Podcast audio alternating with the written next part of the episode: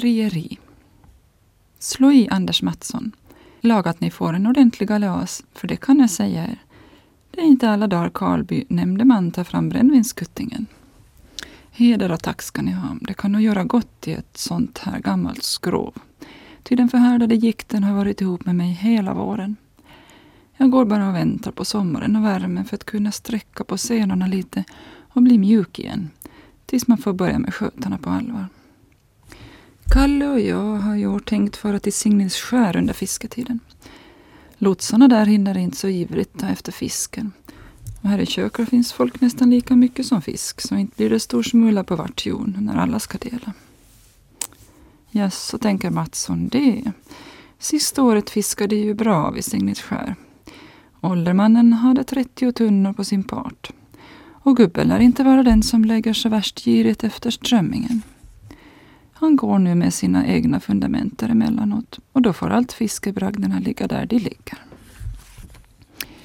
Ja, det är skada att han ska vara så svag för det starka, för maken till kar på sjön får en söka efter. Han är riktigt av den gamla stammen som snart är utdöd. Fan vet vad de hade i kroppen på den tiden. Men det må ha stormat så sjön rykte, så nog gav Ollerman sig iväg. Och hem kom han alltid med skinnet i behåll, fastän det var lite vått. Nå, en gång går det väl med honom som det gick med gamle Joel. Att båten kommer ensam med kölen i vädret. Havsfrun vet nog vad hon vill ha. Hon plockar bort de duktigaste kararna. Joel det var också en karakar. Men fanns det inga barn efter honom? Han hade visst bra på kistbotten. Ja, dottern och änkan bor i sitt präktiga hus på Signilskär. Loft och bodar har de fulla med kläder och vevpackor. Joel hörde till den gamla släkten som hade papper av Per Brahe på att han förlenade dem Signilsskär och skärgården däromkring med skyldighet att ta emot resande som färdades mellan Sverige och Finland.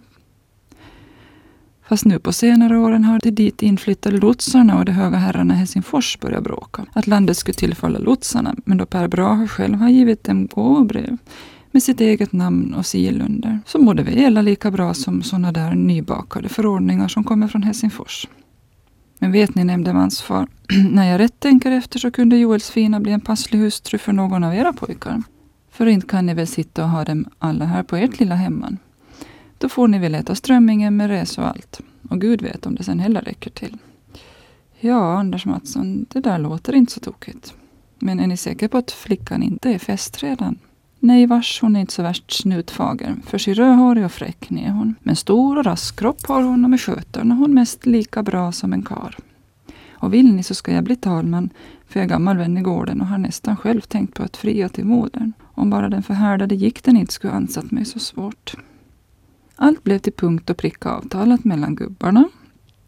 Och Gustav var denna pojkarna som blev bestämd att fara och fria till Signisskär.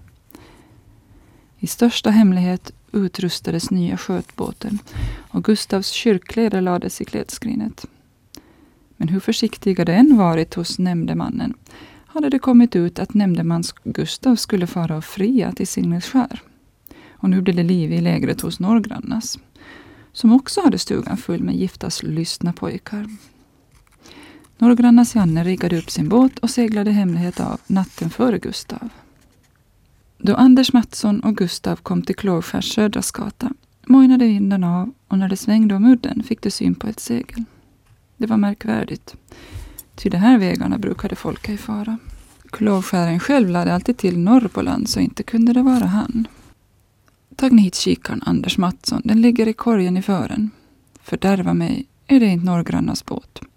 Och Janne och Lill-Olle, nej, nu ska ni få se att det är ugglor i mossen. Det hissar toppsegel. En ann så god som en ann. Vi ska också ha vår topp uppe. Och då vill jag se om vi rår på norrgrönnas gamla tråg.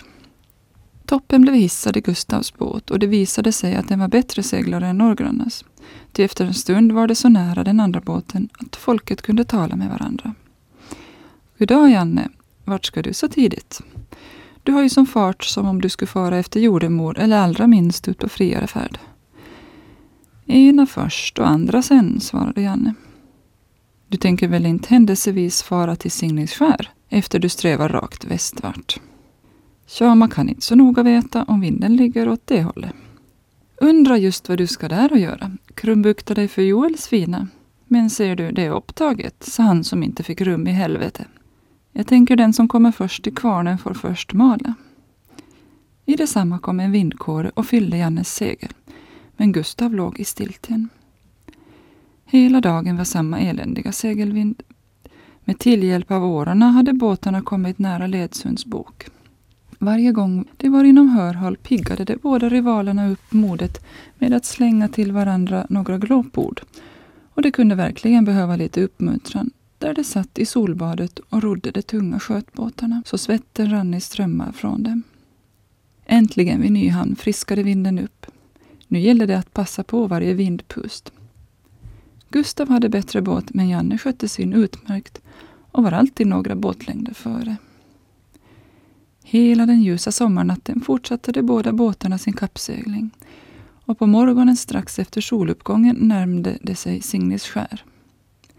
Janne var fortfarande ett stycke före och hur Gustav än bjöd till kunde han ej komma förbi honom. Då visade sig ett brett belåtet grin i Anders Mattssons ansikte. Han såg att Janne tog kurs närmare in till land för att ytterligare vinna på sina efterföljare. Och som Mattsson väl kände till farvattnet och visste att ett grund låg rätt förut i Jannes kurs satt han och smålog och väntade att Janne skulle stöta på. Det dröjde ej heller länge förrän Jannes båt törnade på och de hörde rop och svordomar därifrån. Nu var det Gustav som triumferade och seglade med god fart förbi dem. Anders Mattsson satt vid styret, viftade med en repstump och frågade Janne vad han tyckte om sjöbottnen på det där stället. Gustav som var i färd med att kläda byxorna på sig ropade över till Janne att han fick väl hälsa Joels fina från honom. Janne svor och stakade för att få båten flott, men den satt stadigt på och han hade förtreten att se Gustav och Anders Mattsson lägga till vid bron och strax därefter med långa steg kliva upp för backen till Joels stuga. Då Janne äntligen kommit loss och steg in i stugan hos Joels såg han på allas miner att han kom för sent och att saken redan var avgjord. Fina stod rödhårig och massiv vid bordet och ställde fram kaffekoppar. Och mor sysslade i spisen med kaffepannan. Anders Mattsson hade sin högtidligaste kyrkmin på och satt och tittade på flugorna vilka surrade kring hålkakorna i taket. Gustav själv försökte se allvarlig ut, men det glittrade och lekte i ögonvrån på honom. Och då Janne hälsat Guds fred kunde han ej hålla sig längre utan utropade. Se på dig Janne, du kommer alldeles lagom att segla med in till Läckerö för att ta ut lysning för mig och Fina. Vi låter lysa om söndag. Janne hörde inte alls på det örat, utan slog sig i samspråk med mor och berättade att han kommit till Signisskär för att höra åt om man kunde få komma hit och lägga skötor i fisketiden. Så drack de kaffe, Janne sade tack för sig och seglade hem. Men när fisketiden kom hördes han ej av på Signisskär och Gustav, som nu var husbonde i Joels stuga, gick och skrattade i sitt ljusa skägg.